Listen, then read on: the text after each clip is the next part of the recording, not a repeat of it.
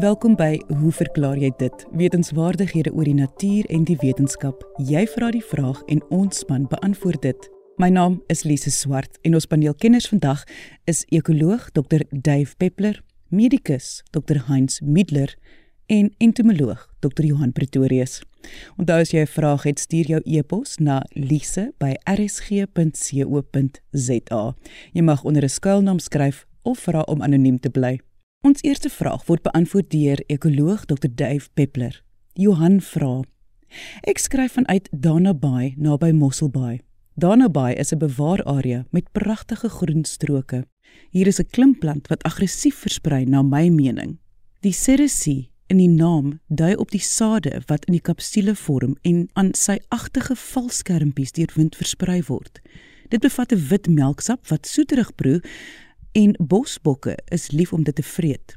Daar is mense wat meen die plant is nie ingevoer uit Peru nie, maar dat dit 'n plaaslike plant is.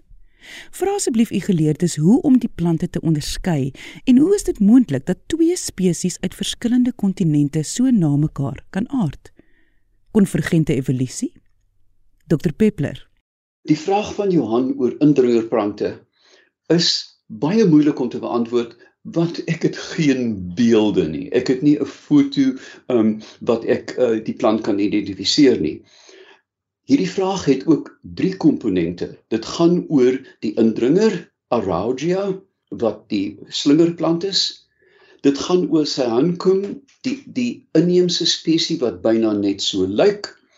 En dan gaan dit ook oor konvergente evolusie. Die vraag aan die einde is het hierdie twee plante op verskillende kontinente ontwikkel met byna dieselfde eienskappe.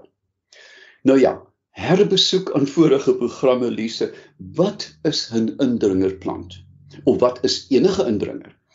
Dit is enige organisme wat deur die mens uit sy oorspronklike groeigebied verplaas word. Met ander woorde, die rooi kraans uit Australië wat na Suid-Afrika gebring is om om uh waaisand uh, te stabiliseer het bykans die hele Kaap ingeneem. Maar dan is daar ook die huismossie wat deur deur Cecil Rhodes gebring is en dan veral deesdae wat mense nie eintlik besef nie in ons groot hawens die dag as hulle werk moet dit daarby sê is die organismes aan skeeprompe wat uit Hong Kong skielik nou in Koberga of Kaapstad kom vasmeer en hier is 'n hele klomp klein perlemoene en krappe en seewiere wat afval in 'n totaal ongeskonde omgewing en dan 'n indringer kan word. Daar is 'n vaste reël en hierdie reël klink so. Indien jy 100 plante sê nou maar van Engeland na Suid-Afrika sal bring, sal 10 van hulle oorleef. 90 sal glad nie eens blom of groei of ontkiem nie.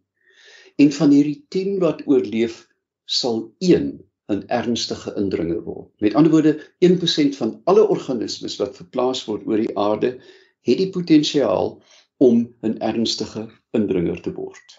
En ek weet iets hiervan want ek is nog steeds verbonde aan die um aan die CIB, die Center for Invasive Biology, die sentrum vir indringerbiologie hier aan die Universiteit van Stellenbosch. Nou kom ons kyk na hierdie drie plante. Eerstens die Araugira. Hierdie plant se bekende naam is die wrede plant of die motvanger. Lise, kan jy glo dat binne die kelk van hierdie blom is daar weerhakke wat die proboscis met ander woorde die suigapparaat van die van die insek wat die plant besoek letterlik vasvat. Hy kan nooit weer uitkom nie. Daar sit die mot. En wat doen die mot? Die mot beklei om los te kom, versprei stuifmeel en so word die plant dan uh, bestuif. Dis ek het dit ook opgemerk by sterjasmyn dat baie van hierdie klein vaal ou huismooitjies kom ewe vrolik en dan steek hulle die tong in die plantjie en daar sit hulle tot hulle frik. Hierdie Aragiara is 'n klimplant, met ander woorde ook 'n slingerplant en kan so hoog as 10 meter in bome opgroei. 10 meter is baie baie hoog. Jy weet dit 10 meter is regtig hoog. Dit skei 'n melk melkagtige sap af. Dit het genadiglik redelike vlak wortels, sterk gegeurde blomme en dis heel moontlik die rede hoekom die plant ingebring is as gevolg van hierdie glorieryke reuk veral in die aande. En dit is ook natuurlike voedselplant vir ander skoennappers, inheemse skoennappers. So mense het dit onskuldig aangeplant as suurplant en ook as voedselplant vir skoennappers. Nou kyk ons na ons inheemse ekwivalent Cyankum wat eintlik aan die suidkus hier van naby die Kaap tot aan die kant uh Koeberg af voorkom en 'n mens vind dit gewoonlik dat dit rank oor kus fynbos. Maar die plant is heelwat meer tenger. Daar is 'n uh, groot spasies tussen die blare en die stingel. Die stingels is baie meer sigbaar as by die vorige plant, maar ons kan dit ook dan uitken aan die afwesigheid van die baie groot sade wat die motvanger het. Um en hierdie sade is gepluim en dit is hoekom hulle 'n probleem is want die die pluimsaad baie natuurlik ver en so word die plant aan klein valskermpies dan voortgeplant. Dit is juist die rede hoekom hierdie plant heel moontlik geland het. Dis mooi, dit ruik lekker. Um dit is waarlik 'n suurplant tot ons eie skade. Nou dus die twee plante Ongelukkig kan ek nie onderskei sonder 'n foto nie, maar die vraag betrek ook konvergente evolusie.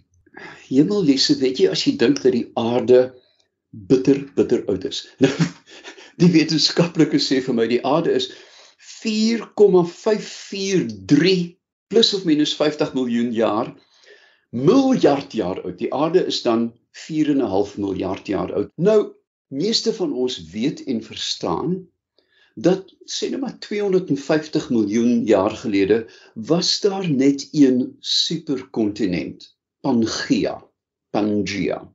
Hierdie was 'n groot stuk land wat letterlik op die mantel van die aarde dryf. Met ander woorde, die klippe om ons, Tafelberg, die Karoo se klippe is eintlik in geologiese terme vloeibaar. Net soos die Indië deesdae opdryf teen die Himalajas, ek dink is 2.5 cm per jaar, beweeg Indië noord, kan jy dit glo? Maar dit beteken ook dat gegee die die die oerouderdom van die aarde en die baie onlangse ontwikkeling van ons kontinente, dat dit heel moontlik 'n hele paar maal in die geskiedenis reeds gebeur het. Hulle het weggedryf, saamgedryf, weggedryf. Ons is slegs in die huidige siklus. Hierdie klink 'n bietjie vreemd. Jy weet, het die aarde heen en weer gedryf hierdie kontinente? Die antwoord is duidelik ja. Nou, ons kan dit baie maklik bepaal dat dit wel die geval is dat hulle uitmekaar gedryf het. As ons kyk hoe mooi die kontinente in mekaar pas. Die pragtige pas van Suid-Amerika hier in die in die oksel van Afrika aan die aan die weste kant. Um duidelik was hulle eers verbind. Maar as 'n mens kyk na die lyngedrewe fossiele rekord van die voorskeiding Pangea, dan kan ons sien dat hierdie identiese fossiele het dan geskei en verder ontwikkel op die verskillende kontinente. Dit beteken ook dat hoër klas diere, hoefdiere um, en werweldiere het op hierdie diskrete eilande, wel dis nie diskreet nie, dis verskriklik groot. Maar kyk as byvoorbeeld aan die Suid-Amerikaanse muurvreter en ons aardvark. Lyk hulle baie na mekaar, een het baie minder hare, maar hulle doen presies dieselfde ding die lang snoet die groot ore die die uh klewerige tong. Um ons kyk na die armadillo in Suid-Amerika, ons kyk na ons itemagog. Hulle is nie naaste by verwant nie, maar het soortgelyk ontwikkel. Um dis eintlik absoluut boeiend. Dieselfde gaan met plante. Ek was in Chile uh jare gelede en by 'n padsnit sê sien ek ons gewone suurvy. Ha, sê ek. Julle het dit by ons gesteel want ons gebruik dit ook as 'n plant om uh grond te stabiliseer. Nee sê hulle vir my, dit is die Chilensis spesies. Met ander woorde dat die plant het reeds bestaan 200 miljoen jaar gelede toe die kontinente geskei het, maar het dan onafhanklik ontwikkel absoluut in isolasie. So Johan, My eerste versoek aan jou, stuur asseblief vir ons 'n foto, dan kan ek in 'n vervolgprogram um bevestig uh, dat wat 'n plant dit is en hooplik is my antwoord dan een van nie noodwendig identifikasie nie, maar een van konteks. En dit was ekoloog Dr Dave Peppler. Onthou as jy 'n vraag het, stuur jou e-pos na lise@rsg.co.za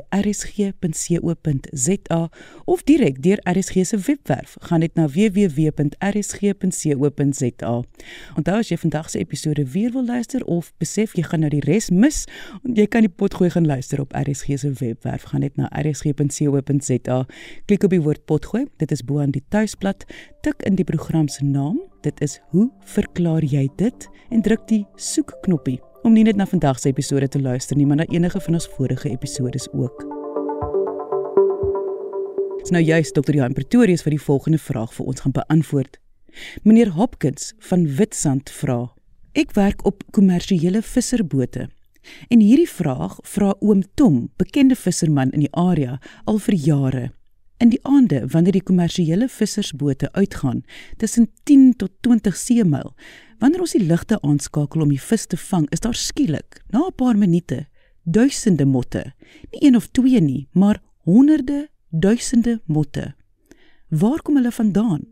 Is dit nie te ver vir motte om oor die oop see te vlieg nie? En is dit 'n sekere soort mot? Ongelukkig sonder fotos of eksemplare kan ek nie sê of eers spekuleer wat 'n motsoort hier te sprake is nie. Dit is selfs moontlik dat daar verskeie motspesies teenwoordig was. Net hier in Suid-Afrika alleen is daar letterlik duisende motsoorte. Party beperk in hul verspreiding terwyl ander weer wyd versprei voorkom. So daar kan verskeie kandidaate wees. Meneer Hopkins, dit sal dus goed wees as jy van die motte kan afneem tydens opkomende visvangste, veral in lig van die groot getalle waarvan melding gemaak word. Nog waardevolle inligting wat sal help met hierdie raaisel sou byvoorbeeld wees die onderskeie temperature, windsnelhede en rigting, ehm uh, maanfases, datums, GPS koördinate ensovoorts van die betrokke ander waarop hierdie groot getalle motte gesien word. Nou, waar kom die motte vandaan? Hulle het hul oorsprong iewers op land aangesien die meerderheid motspesies op landplante aangewese is vir ontwikkeling tydens die larvale stadium. Maar 'n landelike oorsprong kan slegs met 'n mate van sekerheid bepaal word as die motte se identiteit bekend is. Die motte is natuurlik aangelok deur die ligte wat die visserbote gebruik, net soos hulle doen op land saams by ons huisligte. En op die oop see waar daar meestal minder lig is, sal sulke ligte oor groot afstande soos 'n seerduim uitstaan. Nou kan motte so ver oor die oop see vlieg. En dit is goed bekend dat verskeie motsoorte oor groot afstande kan vlieg terwyl sommige selfs migrasies aanpak wat soms kan impliseer dat al groot watermassas moet oorsteek. Dink byvoorbeeld aan die Afrika doodshoofmot wat gereeld na die Britse eilande migreer vanaf suidelike Europa en selfs Noord-Afrika wat maar net een van talle voorbeelde is. Insekmigrasies is natuurlik nie net tot motte beperk nie. Ons vind dit by baie ander insekte waarvan party soos sekere naaldekoker en skoenlapper spesies asook treksprinkane 'n redelike groot insekte is wat hierdie migrasies opvallend maak. Lise vat as voorbeeld die bekende monarg skoenlapper in die Amerikas waarvan talle jaarliks oor groot afstande migreer vanaf en na hul oorwinteringsgebiede en wat vir meer as 600 km vir omtrent 16 ure oor oop oseaan kan vlieg sonder om te rus. Nog 'n voorbeeld is 'n naaldekoker spesies wat vir 'n afstand van tussen 500 tot 1000 km oor die Westelike Indiese Oseaan migreer. Dan is daar ook rekords van 'n sprinkanswerm wat in 1988 reg oor die Atlantiese Oseaan gevlieg het. 'n afstand van ongeveer 4.500 km. In sekere gevalle word hierdie migrasies aangehelp deur seisonale winde veral by daardie insekte wat hoog in die atmosfeer beweeg, terwyl direkte aktiewe vlug ook belangrik is by insekte wat nader aan die aardoppervlak beweeg. Dit gesê Lize, initieer ek glad nie hiermee dat die motte wat oom Tommel waargeneem het deel was van 'n migrerende swerm nie. Meer data sal benodig word. Ek sê dit omdat insekte en ander diere se beweging aan sekere standaarde moet voldoen om as ware of egte migrasies geklassifiseer te word. Die punt wat ek eerder wil maak is dat gegee hul liggaamsgrootte kan insekte oor verstommende afstande versprei of beweeg, natuurlik te danke aan hul vlerke en vermoë om te vlieg. Nou, as ek reg is, is 10 tot 20 seemil so 'n omgewing van 18.5 tot 37 km en dit is heel doenbaar vir sekere motspesies om so ver te kan vlieg. In 2014 byvoorbeeld het 'n skip van die Brasiliaanse vloot op pad na Rio de Janeiro op 'n punt van 389 km vanaf die vasteland en 746 km vanaf die naaste eiland gestop om afmetings te doen. Kort nadat hulle die metingsapparaat in die water laat sak het, dit was so tussen 11:30 en 11:00 die betrokke aand, is duisende motte aangelok deur die sterk ligte wat hulle gebruik het vir die afmetings. So dit is 'n afstand van amper 11 keer meer vanaf vasteland as wat oom Tom hul gedokumenteer het. Hoewel die betrokke navorsers nie die moontlikheid uitgesluit het dat hierdie motte reeds op die skip of selfs ander nabygeleë skepe teenwoordig was nie blyk dit onwaarskynlik te wees as mense in aanmerking neem die groot getalle wat waargeneem is en die verskillende soorte motte en ander insekte wat versamel is. Nou in die geval van meneer Hopkins se navraag is daar ook die moontlikheid dat die motte oor die oopsee vlieg vanaf een bestemming op land na 'n ander. 'n soort van verspreidingsvlug eerder as 'n migrasie. 'n Ander moontlikheid is dat die weer dalk 'n rol kon speel in die motte se teenwoordigheid. Hulle kom byvoorbeeld deur sterk stormwinde oor die oseaan vanaf land gewaai word. Maar weer eens om dit te bevestig sal mens natuurlik weer data vir die betrokke dae, dalk selfs die voorgaande dae toe die motte gesien is, benodig. Maar hoe dit ook al sê, 'n interessante waarneming en miskien is daar dalk luisteraars wat al iets soortgelyks gesien het en wat hul ervarings met ons kan deel. Om af te sluit Lize, omdat dit so moeilik is om waar te neem en te dokumenteer, is daar nog baie navorsing te doen rondom die beweging van insekte snags. En daar lê sonder twyfel nog 'n paar interessante ontdekkings in wag, veral met nuwe tegnologie tot ons huidige beskikking. Oom Tom, meneer Hopkins, dankie vir die deel van hierdie ervaring. En dit was entomoloog Dr. Johan Pretorius. Soos julle kan hoor van Dr. Pretorius en Dr. Dave Peppler se beskrywings, is foto's baie keer nodig om dalk 'n beter beskrywing te gee. So indien dit moontlik is, onthou om jou foto saam met jou vraag in te stuur. Volgende is medikus Dr. Heinz Middler aan die woord met 'n vraag van 'n anonieme luisteraar. Hoe verklaar jy dit dat om in jou neus te grou dit demensie kan veroorsaak? Nou ons het 'n baie interessante vraag gekry van 'n persoon wat sê jy moenie jou neus krap nie want jy gaan demensie ontwikkel. Dit klink absurd, maar dit is dalk ook nie so absurd nie om verskeie redes. Kom ons kyk net gou na demensie. Hierdie is 'n is 'n groot onderwerp, maar ek gaan dit net kortliks noem. Dat daar tog waarheid daarin steek. Ons weet dat uh dit is nie altyd eties en manierlik aanvaarbaar om jou neus te krap nie. Ehm um, so nou lyk dit my daar is gesondheidsgevare ook daaraan verbonde. Nou hoe werk dit? Nou ons weet demensie. Daar's abnormale proteïene wat neergelê word in die brein, soos byvoorbeeld tydens Alzheimer se siekte, um, daar's verskillende vorms en daai abnormale proteïene, mense weet nog nie altyd presies wat uh, hoekom gebeur dit en wanneer gebeur dit en hoe gaan ons dit verhoed nie en dit is een van die grootste uh, navorsingsvelde op hierdie oomblik want jy weet ons mensdom raak al hoe ouer en ouer en Alzheimer of demensie probleme kom in ouer mense voor so die insidensie raak al hoe meer en meer en dit moet hok geslaan word of ten minste op 'n manier kan voorkom word. Nou daar's gevind dat as jy in jou neus krap, daar is sekere bakterieë in jou neus en die spesifieke ene is Chlamydia pneumonia. Nou hierdie bakterie kom gewoonlik in jou neus voor sonder om enige probleme te veroorsaak. Maar nou het navorsing gewys dat hierdie bakterie ehm um, kan lei tot neerlegging van abnormale proteïene in die brein en dit is dan nou waar die koneksie gemaak word met demensie wat heeltemal ehm um, fascinerend is en natuurlik nou weer baie nuwe navorsingsrigtings oopmaak.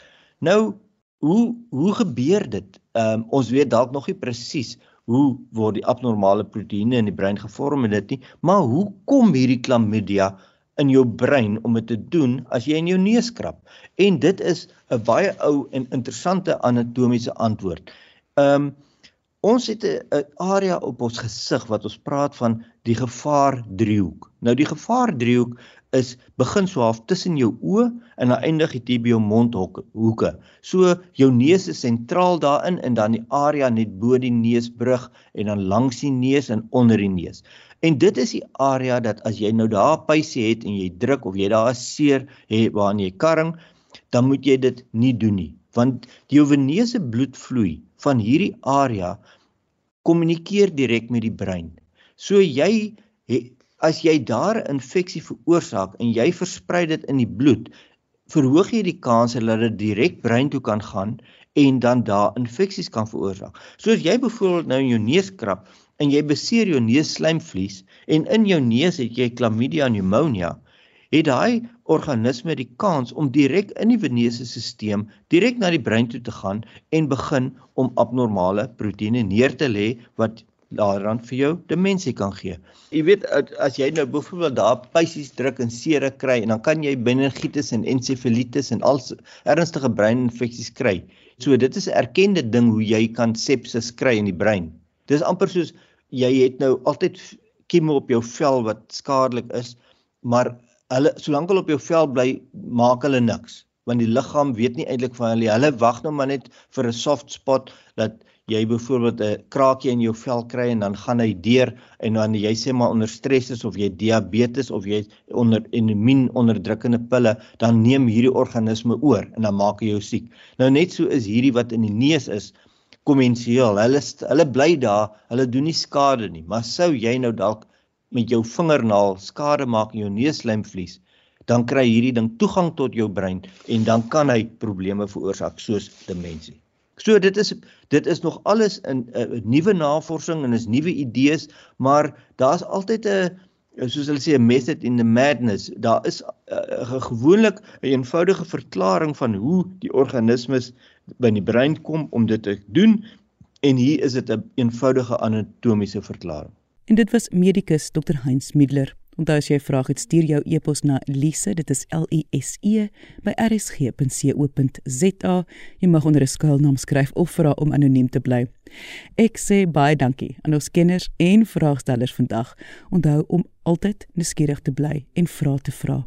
Tot volgende keer hier op RSG saam met my, Lise Swart. Totsiens.